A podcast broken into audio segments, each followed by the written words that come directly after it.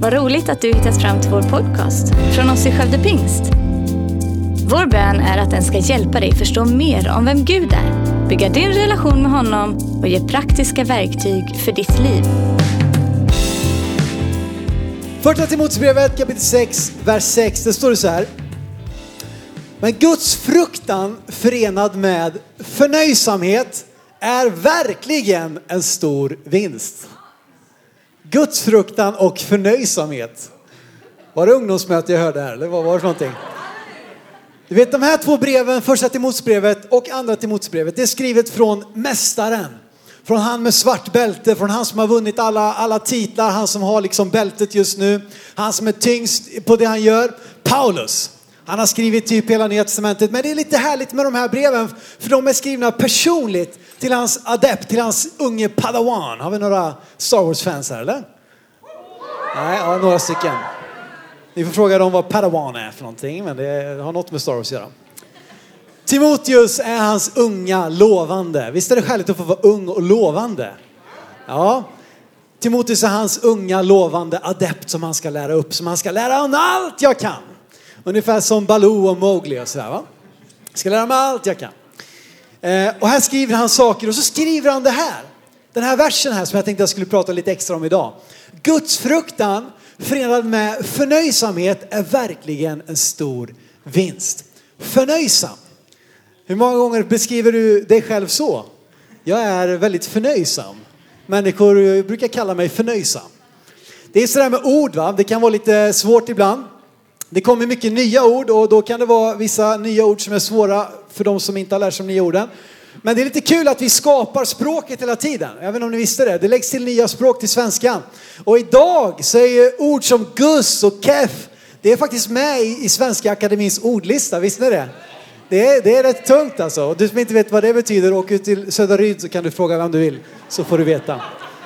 Det var, det var, det var tänkt som en komplimang alltså. Jag lovar dig. Andra nyord som du kanske redan är helt van vid är ord som swipa. Det sa man inte för tio år sedan. Swipa. Youtuber. Swisha. En annan grej som jag tyckte var rätt skön, det är ordet obror. Använder ni det någon gång? Hur ska man använda det då? Jag var inte så obror. Alltså var inte så taskig. Lo? Typ så. En annan kul nytt ord är dumpstra. Vet ni vad det är? Dumpstra. Det är när man letar efter saker som andra har slängt för att kunna använda det igen. Hållbarhet. Elin, jag är lite besviken att du inte visste det här nu, men det är helt okej. Okay. Hon, hon lever det, hon, hon kan inte bara orden, hon lever det. Man använder det, särskilt så är det så att man letar efter mat som andra har slängt för att äta den. Eftersom att mycket mat som slängs går att käka. Ett annat nytt ord är ögonkramp. Det är när man får kramp i ögat som ofta orsakas för att man tittar för nära för länge på, på en skärm. Då kan man få kramp i ögat. Det som har varit med om det. De blir, ögonen blir inte fyrkantiga, det fick vi höra, vi som växte upp på 90-talet. Att titta inte så mycket på tv, då blir dina ögon fyrkantiga. Men nu kan du köra med den, titta inte så mycket på din skärm, då kommer du få ögonkramp. Det är obror. Men det är inte fel att läsa lite old school ord, lite gamla ord. Är det någon som vet vad autodidakt betyder? Va? Någon? Autodidakt? Va? Självlärd! Yes, det är någon som har eh, studielån här inne. Det är bra. Eh, ett till ord. Impertinent.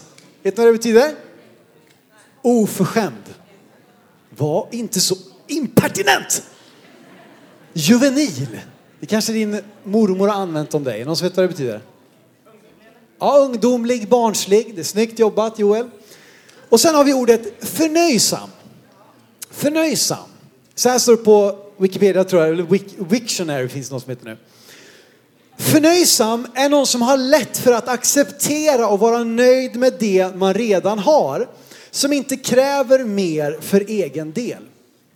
Att vara förnöjsam är konsten att vara nöjd, att vara skön. Att, vara, att, att liksom kunna vara tacksam för det man har. Det är att vara förnöjsam. Är ni med där uppe också? Det är bra. Har ni ett eget möte där? Får man vara med? Kanske en bättre predikan där uppe än här nere, jag vet inte. Eh, Så hur ska man då kunna vara förnöjsam? Det bara slog mig här i veckan. Jag tänkte att det finns ett engelskt ord som är content. Att man är content med livet. Inte content utan man är content. Man är förnöjd. Man, är, alltså, man, är, man trivs med sitt liv. Det är en ganska skön plats att vara på. Där man inte hela tiden behöver känna att man saknar någonting, att man kommer till korta, att det är någonting, någon, någon gör någonting roligare på någon annan plats. Inte just ni som är här, då. ni vet ju att det här är det roliga som händer ikväll. Men hur ska man kunna vara förnöjsam när livet ser ut som det gör? Hur ska man kunna vara förnöjsam i sig själv? Jag menar, vi vet alla hur, hur tufft det kan vara liksom. Och hur jobbiga grejer vi stöter på. Kanske man kämpar med olika saker i sitt liv. Hur ska jag kunna vara förnöjd? Hur ska jag kunna vara nöjd med det här? Och hemligheten då med Bibeln och hemligheten med Paulus var att han sa att Guds fruktan och förnöjsamhet, alltså det har med Gud att göra. Så hur ska jag kunna vara förnöjsam? Jo, genom det som Jesus vill göra i mitt liv. Och det här är vad Jesus vill göra i ditt liv. Kolosserbrevet kapitel 1, vers 13 till 14. Här finns liksom hemligheten. För att om jag bara ska vara förnöjsam i mig själv, då kommer jag säkert ganska snart känna, nej det var inte så förnöjt det här. Är du förnöjd? Du kanske har någon norrman här. Är du förnöjd? Jag är förnöjd. Kan man säga om man är mätt till exempel när man äter. Så. Så här står det i Kolosserbrevet 1, 13 till 14. Jesus har frälst oss från mörkrets välde och fört oss in i sin älskade sons rike. I honom är vi friköpta och har förlåtelse för våra synder. Han har frälst oss. Han har fört oss in i sin älskade sons rike. I honom är vi friköpta och har förlåtelse. Det är någonting som redan är klart. Någonting finns i Jesus som du kan få tag på. Någonting av det som Jesus gjorde på korset för 2000 år sedan gör att det här är en sanning, en verklighet idag som du kan få tag om, som du kan säga ja till, som du kan få uppleva, så du kan leva ditt liv och bli beskriven som en förnöjsam person. Därför att du har tagit emot vad Jesus har gjort för dig. Men tvärtom så är vi ofta på två andra ställen i våra liv. Antingen är vi kicksökande istället för att vi är förnöjsamma. Vi söker kicken. Vi söker nästa grej, vi söker liksom, och du vet, det här var kul, nu är det tråkigt. Och det här var gott, jag vill ha mer. Nej, du vill ha något annat. Du vet, det där ständiga levlandet, att hela tiden leva sitt liv som att man ska levla. Jag måste komma vidare, jag måste komma till nästa grej, jag måste, det kommer, alltså det kommer aldrig ta slut. Det kommer bli som, du kommer bara vilja ha mer och mer och större och längre och högre och häftigare, snyggare, oftare, värre, grövre och så vidare. När du hela tiden lever ditt liv som en kicksökare. Att jag måste få testa nästa grej, jag måste få testa nästa grej, jag måste få testa nästa grej. Och det som var coolt igår, det är inte coolt idag. Nu måste jag hitta något nytt som är coolt. Och när jag har gjort det så är det inte coolt längre för då har jag redan gjort det och så vill jag ha något ännu värre. Och så lever vi hela livet genom att bara söka nästa kick. Och vet du vad? Det kommer sluta en överdos. På ett eller annat sätt. Det måste inte vara knark. Det finns mycket saker man kan ha överdos av. Allt som är gränslöst, allt som vi bara tillåter komma in i våra liv som vi inte sätter någon gräns för riskerar att leda till en överdos. Där vi bara, nej det är bara bra, lev gränslöst, gör vad du vill, när du vill, med vem du vill, hur du vill, hur ofta du vill. Och så fort du inte känner för att göra någonting annat. Det kommer inte sluta bra. Att fylla de här begären som faktiskt Gud har gett med massa grejer som inte Gud hade tänkt. Och det, det skulle man kunna beskriva som synd faktiskt. Synd är att försöka fylla ett gudagivet begär med något annat än det som Gud har tänkt. Du, Gud har skapat dig med begär, Gud har skapat dig med längtan, Gud har skapat dig med en, med en sexdrift, Gud har skapat dig med massa olika saker i ditt liv. Men han vill också guida dig genom livet, hjälpa dig sätta upp ramar, hjälpa dig kunna ha en gräns så att du kan få, få, få uppleva det på det sätt som han har tänkt. Om du inte är kicksökande så kanske du är deppande. Alltså helt ärligt, livet suger rätt ofta. Och det är så många som kämpar med bilden av sig själv. Det är så många som kämpar med hur man mår. Det är så många som, jag vet att det är många här inne ikväll som du är med och du är glad, du tycker det är kul att vara här men du vet också vad som väntar när du är hemma där ensam, kanske hemma i sängen eller vad som väntar där hemma eller vad som kommer vänta i skolan på måndag. Och vi går genom livet och vi, vi deppar, vi kämpar, vi brottas. Det eviga jämförandet som bara får oss själva att känna oss ännu mer misslyckade, ännu mer utanför, ännu mer opopulära eller impopulära kanske heter. Jag kommer att tänka på Hassan. Impopulär kem. Säger det någonting? Nej. Det var det där med 80-talet. Var född på 80-talet. Men du vet att det här deppandet, om jag bara kan gå till mig själv, om jag liksom, ryck upp det nu liksom. Ryck upp det. Det kommer bara göra att marken under dig kommer bara stampas hårdare och hårdare och hårdare och kanske djupare, djupare, djupare. Och ju mer du försöker äh, rycka upp dig själv så det kommer inte så långt. Men sann förnöjsamhet hittar du i Jesus.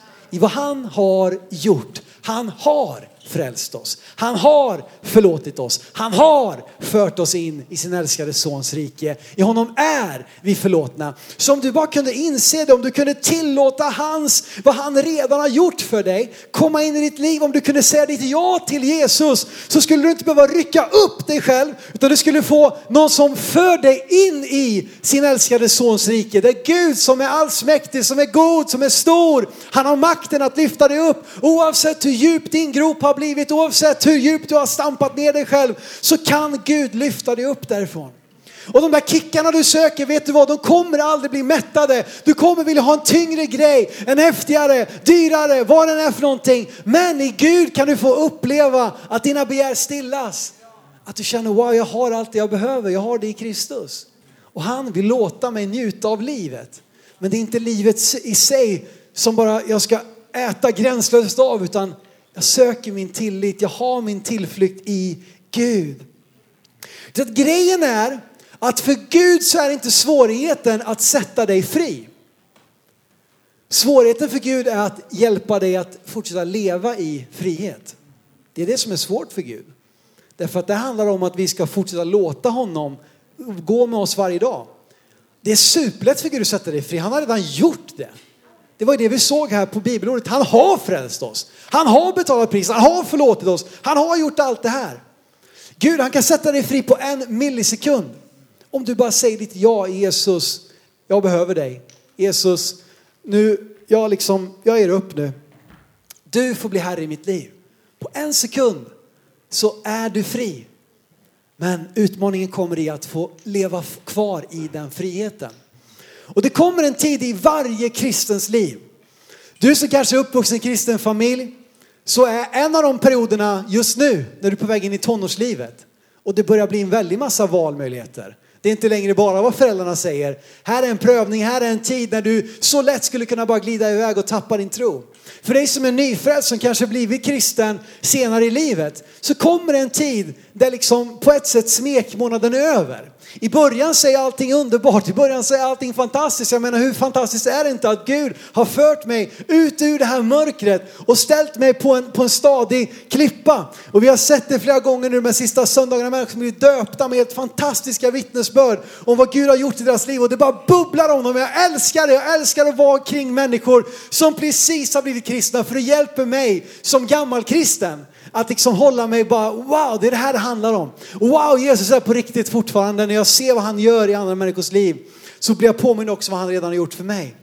Men i det så kommer det komma en period, kanske efter ett halvår, kanske efter ett år, kanske när du ska flytta till en ny stad, kanske när du ska flytta hemifrån. Vad vet jag, det kommer komma en tid när svårigheten blir att få kvar, vara kvar, remain, förbli i den friheten som Gud redan har satt dig i.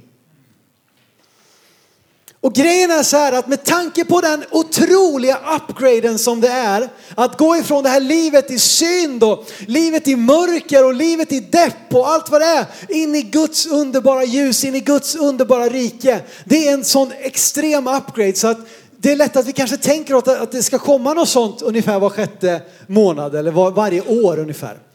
Men du vet att det var, Gud han ger dig allt på en gång.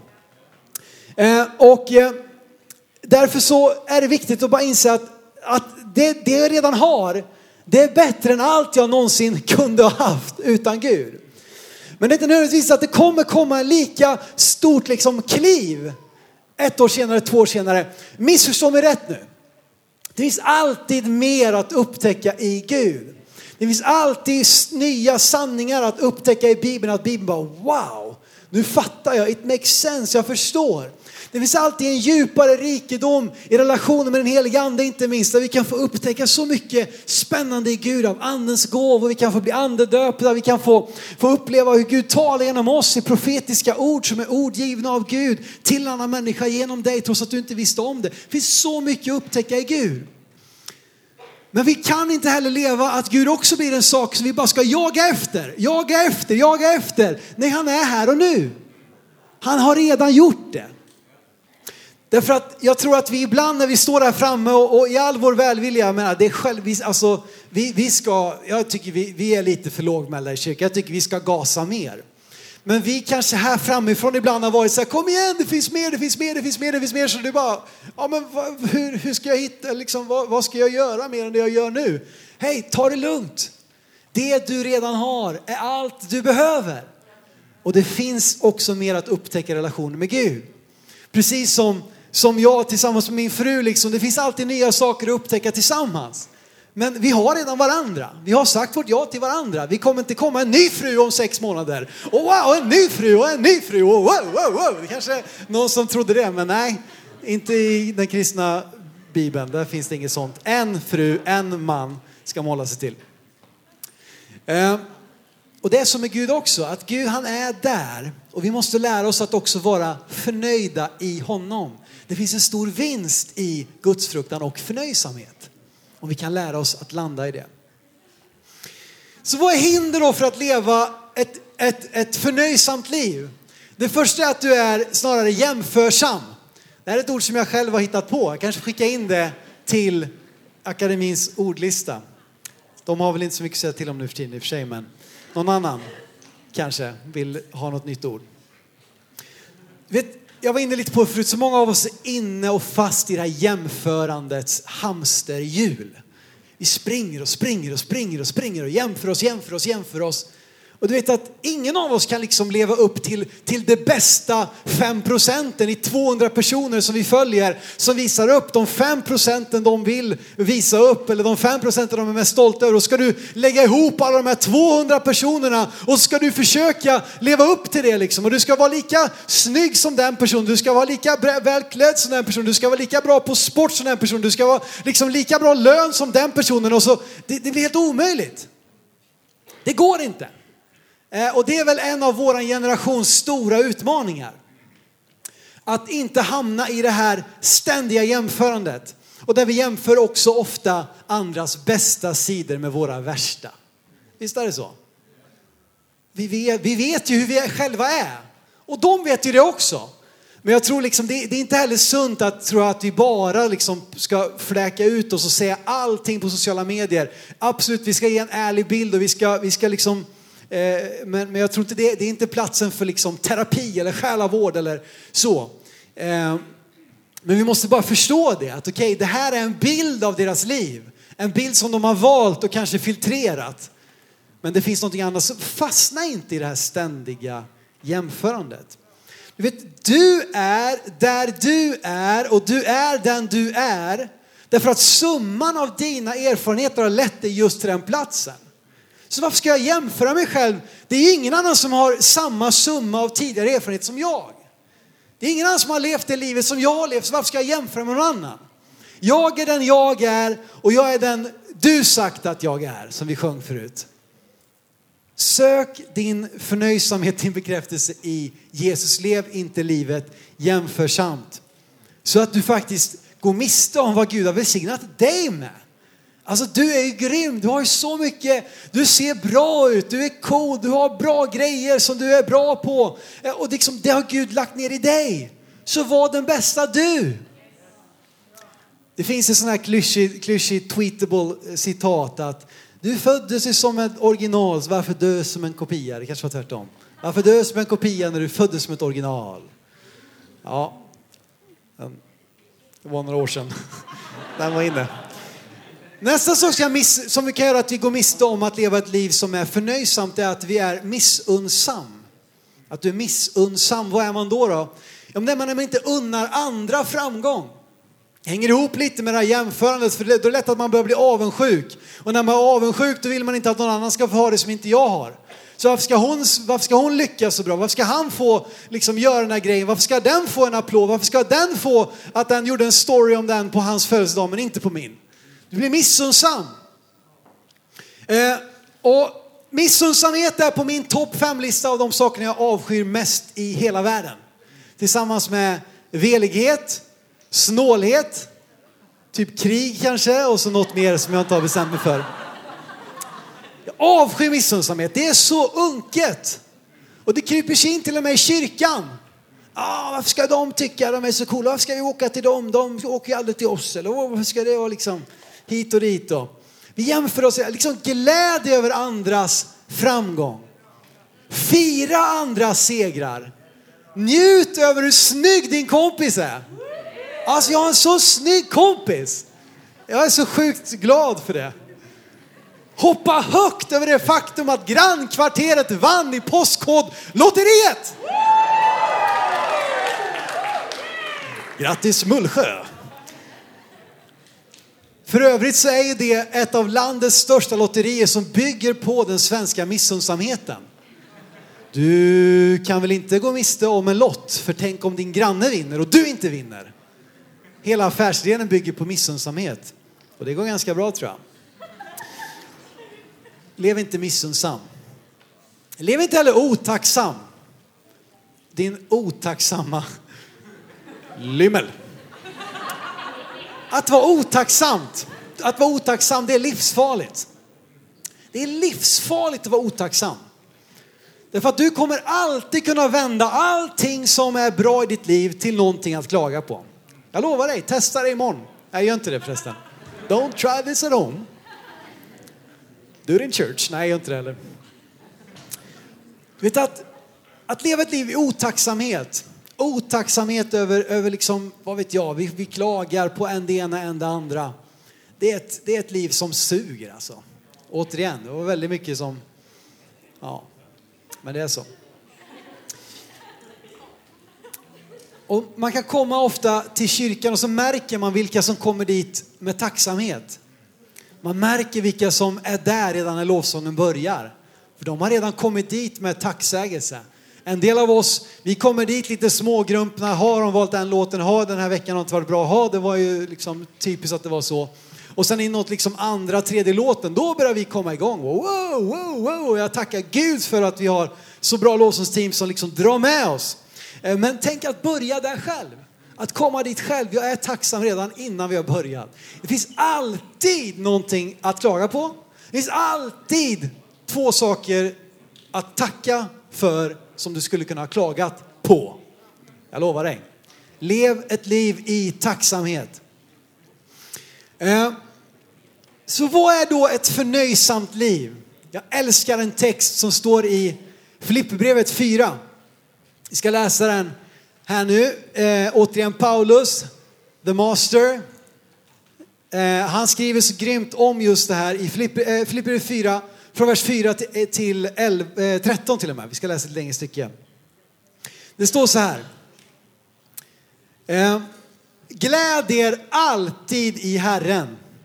Än en gång säger jag, gläd er. Låt alla människor se hur vänliga ni är. Herren är nära. Bekymra inte för något. Låt Gud få veta alla era önskningar genom bön och åkalla med tacksägelse. Då ska Guds frid som övergår allt förstånd bevara era hjärtan och era tankar i Kristus Jesus. För övrigt bröder, allt som är sant och värdigt, rätt och rent, allt som är värt att älska och uppskatta, allt som kallas dygd och förtjänar beröm. Tänk på allt sådant.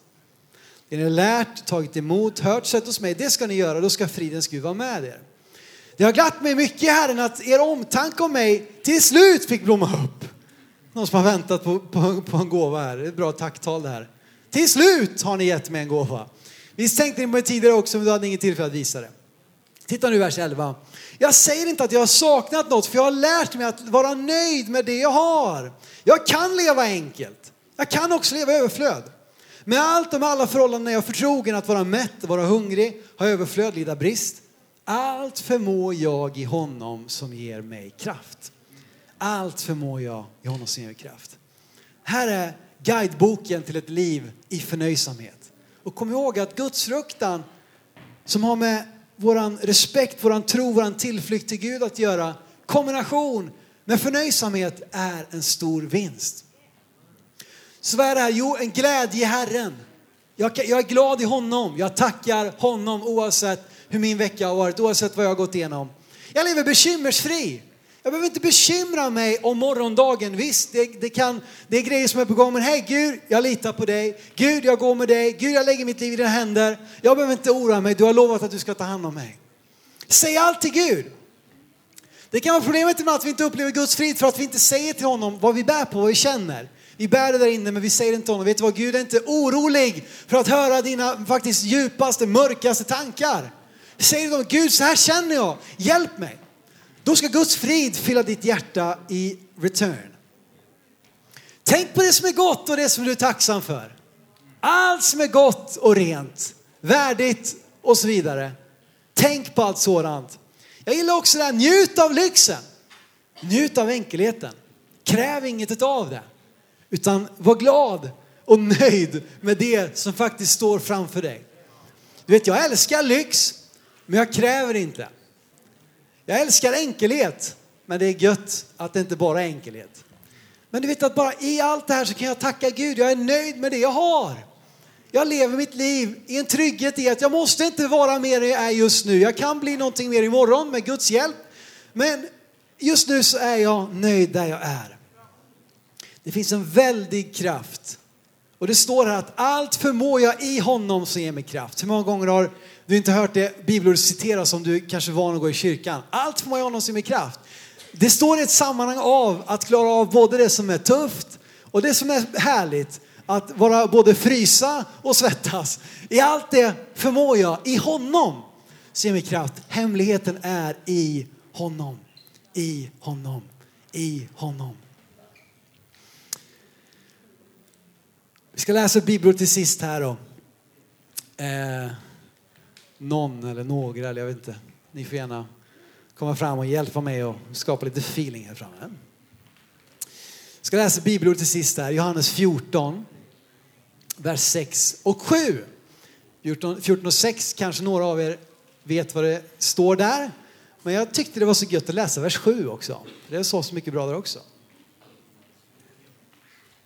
Hur kan jag komma in i det här livet? Vad har det här med mig att göra? Hur kan det här få bli en verklighet i mig? Hemligheten finns i de här verserna. Så Jesus sa till honom, jag är vägen, sanningen och livet. Ingen kommer till Fadern utom genom mig. Har ni lärt känna mig ska ni också lära känna min far. Nu känner ni honom och har sett honom. I Gud så finns det som du behöver. Han är vägen, han är livet, han är sanningen. Jag vet att det där är ord, statement som sticker i många människors ögon idag. Det är opoppis att säga att någonting är sanning på bekostnad av något annat. Eller fine, säg det är din sanning men inte sanningen. Men Jesus säger att jag är vägen, sanningen och livet. Vägen in i det här livet, vägen in i det här livet där du inte måste hela tiden brottas med vem du är och jämföra med alla andra eller vara var besviken på att du inte liksom fick en bättre lott i livet. Det går genom Jesus. Därigenom kan du få tag på det liv som Gud har tänkt för dig. Ska vi stå upp tillsammans hela kyrkan? Så ska vi bara gå in. Vi ska hålla fokus här. Jag vet att en del av er tycker att det var väldigt vad länge ni håller på. Vi ska hålla på en, en ganska bra stund till så bara liksom knyt handen i fickan och härda ut. Du klarar det, jag lovar dig. Så vi bara, du behöver inte börja prata med din kompis, du behöver inte lämna lokalen bara för att vi ställer oss upp utan vi kan fortsätta ha ett fokus på Gud. Och så är det så att det finns en väg in i det här livet. Det finns en väg in i att få tag på det där att han har förlåtit mig, han har friköpt mig, han har fört mig in i sin älskade sons rike. Vägen är en person, hans namn är Jesus. Och innan vi gör någonting annat den här kvällen så ska jag bara presentera den här möjligheten för dig. Jag sa det till dig förut att du kan få bli fri på en sekund. Gud har den makten. Han är stor, han är större än vad vi kan förstå. Han är större än dina problem. Han är större än det du brottas med. Han är större än deppen. Och han vill låta sin frid få fylla dig den här kvällen. Tack för att du lyssnat. Dela gärna podden med dina vänner och glöm inte att prenumerera så du inte missar nästa predikan. Om du har några frågor eller vill att vi ska be eller tacka för något tillsammans med dig så får du gärna höra av dig till kyrkan skövdepingst.se. För oss är veckans höjdpunkt söndagens gudstjänst och det vore så kul att träffa dig där. Våra team finns då redo att ta emot dig och det finns även egna samlingar för barnen. Du hittar mer information om oss, vilka vi är och våra olika mötesplatser på skövdepingst.se. Gud välsigne dig och ha en fortsatt bra vecka.